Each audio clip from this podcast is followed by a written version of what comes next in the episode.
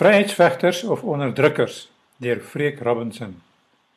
Dis nie waarvoor ons geveg het nie. Hy is skaam kwaad oor wat tans in Suid-Afrika gebeur. Aan die woord is 'n senior oud MK man. Die TV-span wat hom opneem, was eintlik daar om sy mening oor ander sake te kry. Maar hy moes hierdie ding wat so swaar op sy gemoed lê, eers gesê kry. En dis nie net hy wat so voel nie. Oudregter Elbie Sachs van die konstitusionele hof sê as hy die Sonderkommissie se verslag oor grootskaalse korrupsie lees, maak dit seer. Dit pynig hom as al die probleme opgenoem word: misdaad, geslagsgeweld, wanfunksionele munisipaliteite, kragprobleme. Hy het as vryheidsvegter groot offers gebring.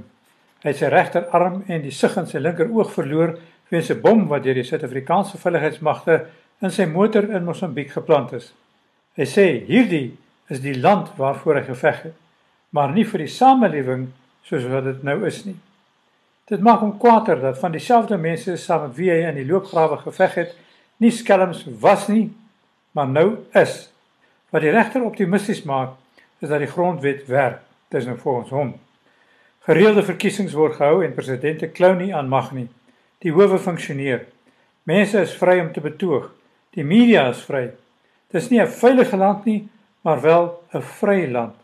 Tog dink ek regter seks kan nie so maklik deur die skreefie van 'n gaping glip tussen land en samelewing nie. In Julie 2021 het mense in KwaZulu-Natal die strate ingevaar om kennis te gee van hulle eise. Geweld en plundering het gevolg en die regering het weinig gedoen om dit tot orde te bring. Intussen is die misdaadsyfer skrikwekkend hoog. Voormalige bestuurshoof van Eskom, Andre de Ruyter, Onthul daar is vier misdadige kartelle steeds aan die werk in die kragvoorsiener. Dit kos die land miljoene. Volgens professor Antoni van Niekerk is nasionale veiligheid die onderbou van die land se grondwetlike demokrasie. Trouwens, nasionale veiligheid is die eerste prioriteit van die regering. Dit behels nie net die beskerming van die land en sy mense nie, maar ook die beskerming van nasionale waardes en belange teen binnelandse en buitelandse bedreigings. Hy sê sonder 'n doeltreffende veiligheidssektor gaan die regering en die land nie daarin slaag om te oorleef nie. En wat beteken vryheid nou eintlik? In Zimbabwe het vryheidsvegter Robert Mugabe die president geword van 'n onafhanklike land. Gereelde verkiesings is gehou, maar die geloofwaardigheid daarvan het binne 2 dekades verval in 'n onderdrukkende diktatoriale bewind. Nelson Mandela het met die afskaffing van apartheid gesê: "Ons is nog nie vry nie." Ons het die vryheid verwerf om vry te wees, vry van onderdrukking. Dink maar aan ander voorbeelde soos Kenia en Uganda. Dit het daar minder gegaan oor die regte van mense as die reg om oor hulle te regeer. Die werklike toets vir demokrasie is hoe die samelewing regeer word. In Suid-Afrika word dit 'n aldroewiger prentjie. Die grootste teleurstelling is president Cyril Ramaphosa. Daar was soveel hoop toe hy aangestel is. In die aanloop tot die verkiesing in 1994 het ek 'n paar keer met hom te doen gekry. Hy het beïndruk as 'n skerp politikus wat op 'n rustige, bedaarde wyse met selfvertroue op vrae geantwoord het. Toe hy president geword het, het 'n joernalis van die BBC my gevra of ek dink Ramaphosa sou 'n doeltreffende leier wees. My antwoord was 'n oortuigde ja.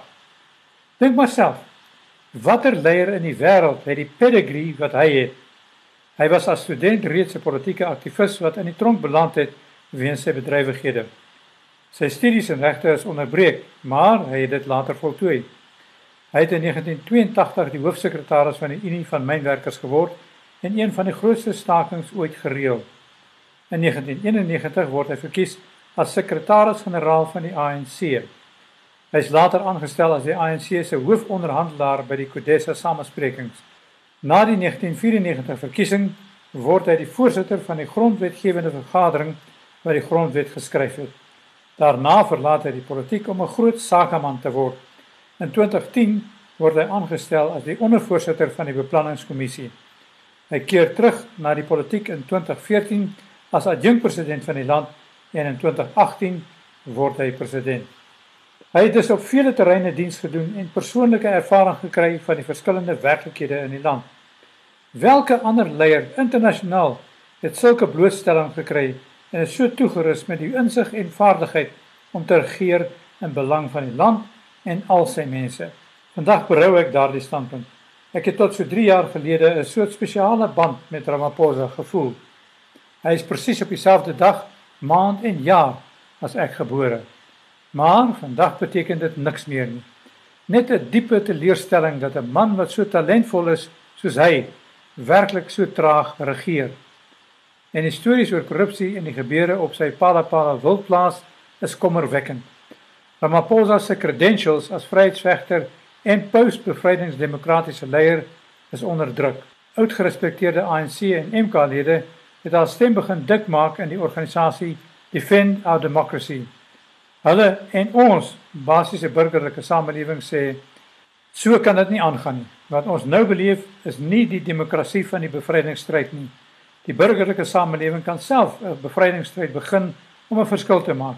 Dit help nie om te wag vir die 2024 verkiesing nie. Elkeen van ons kan 'n verskil maak.